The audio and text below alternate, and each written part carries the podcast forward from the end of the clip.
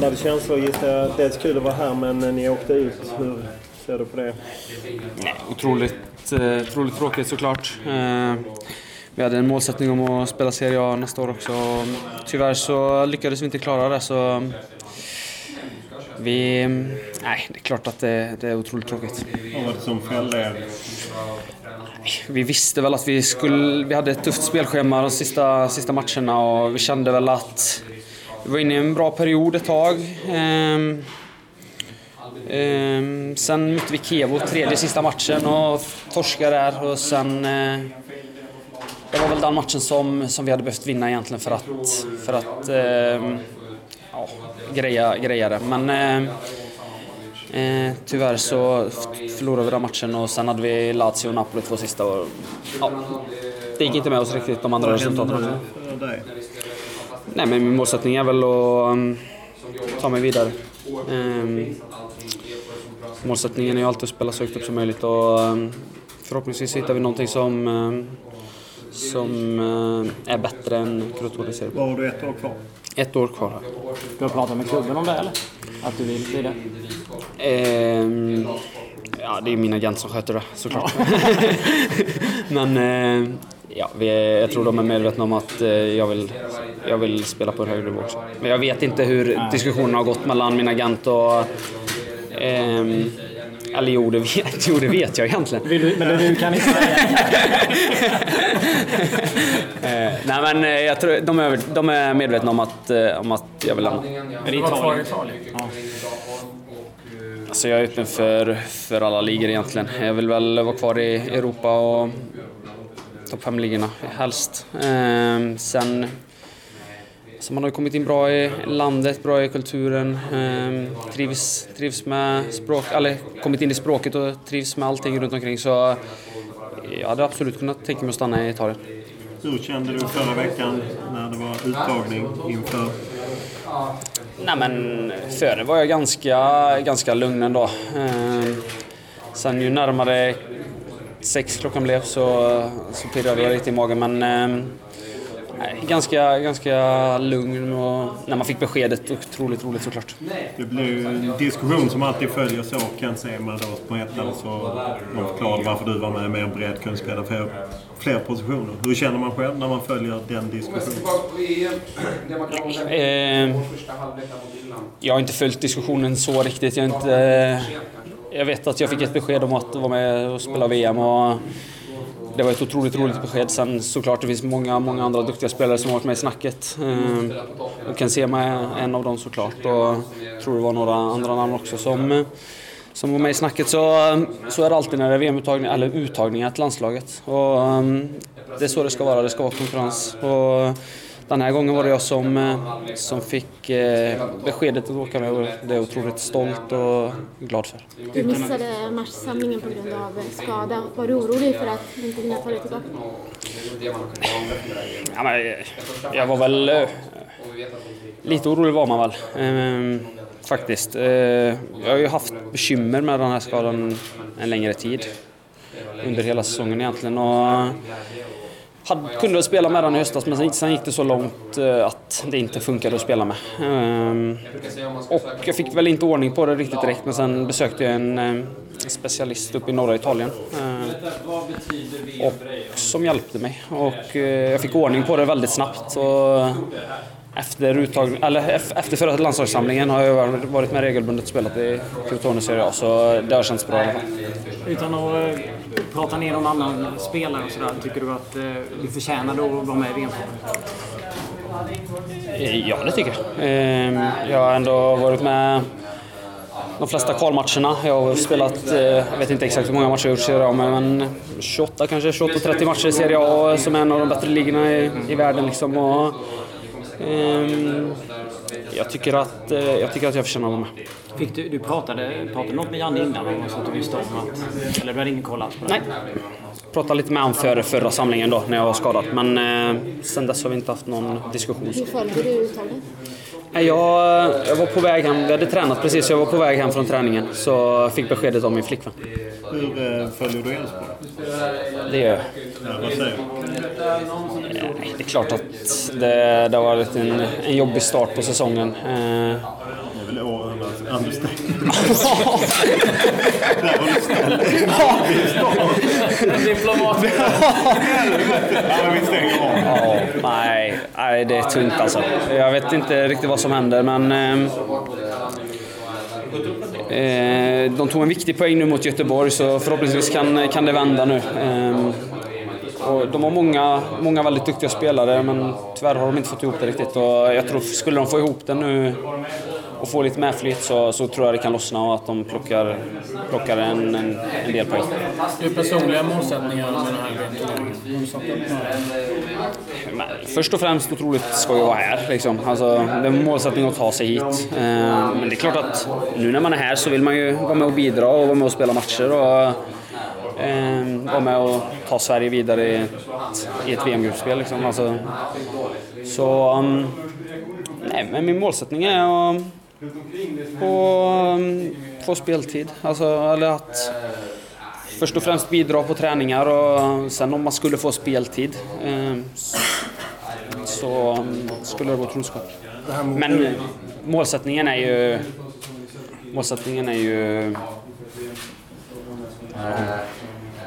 vara med och bidra liksom på träningar och sen eh, som jag sa, skulle man få chansen så, så kommer jag göra allt för att vara redo. Känns bra, känns bra. Kul eh, att träffa alla. Eh, kul att köra igång. Eh, Äntligen är vi på väg mot VM.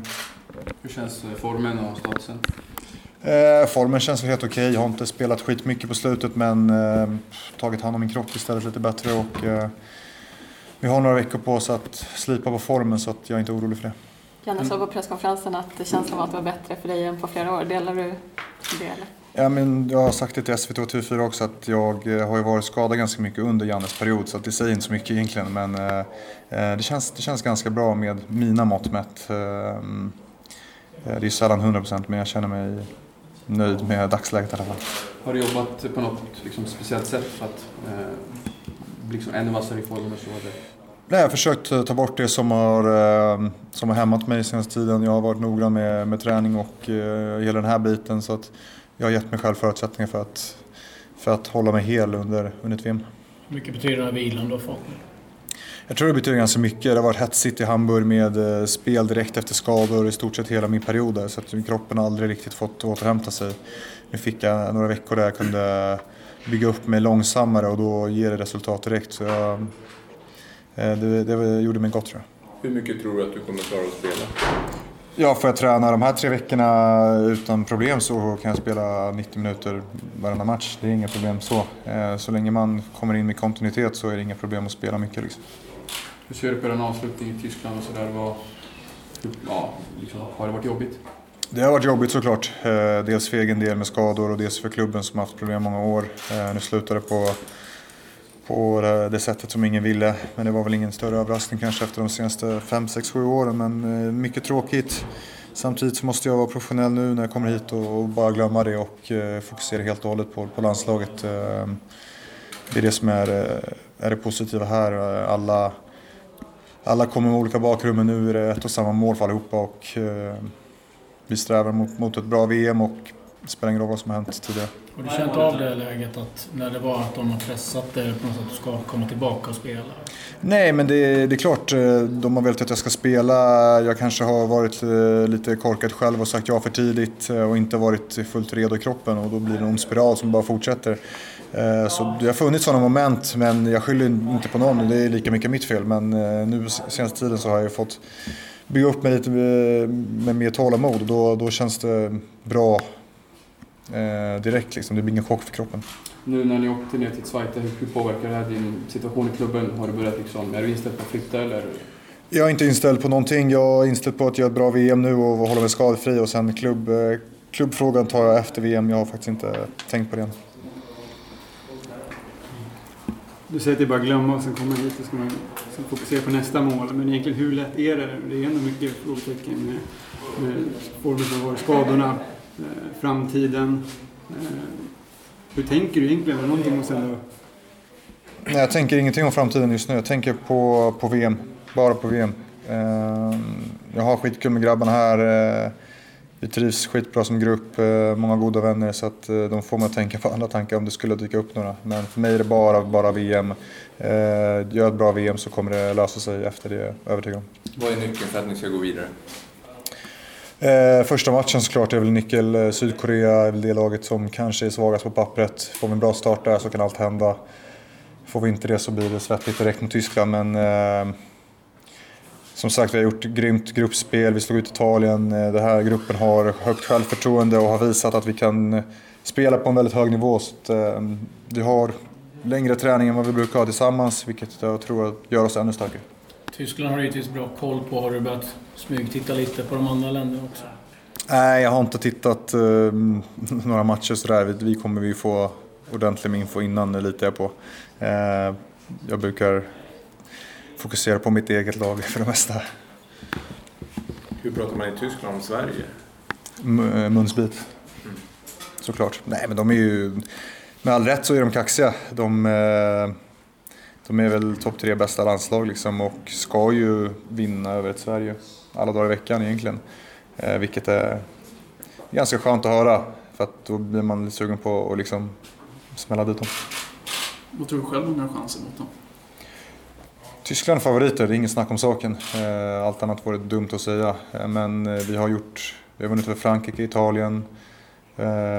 Tyskland är väl ännu ett snäpp bättre men jag har stort förtroende för den här gruppen och ser fram emot den matchen för att jag tror att vi kan, eller hoppas att vi kan, kan få med oss en poäng eller tre.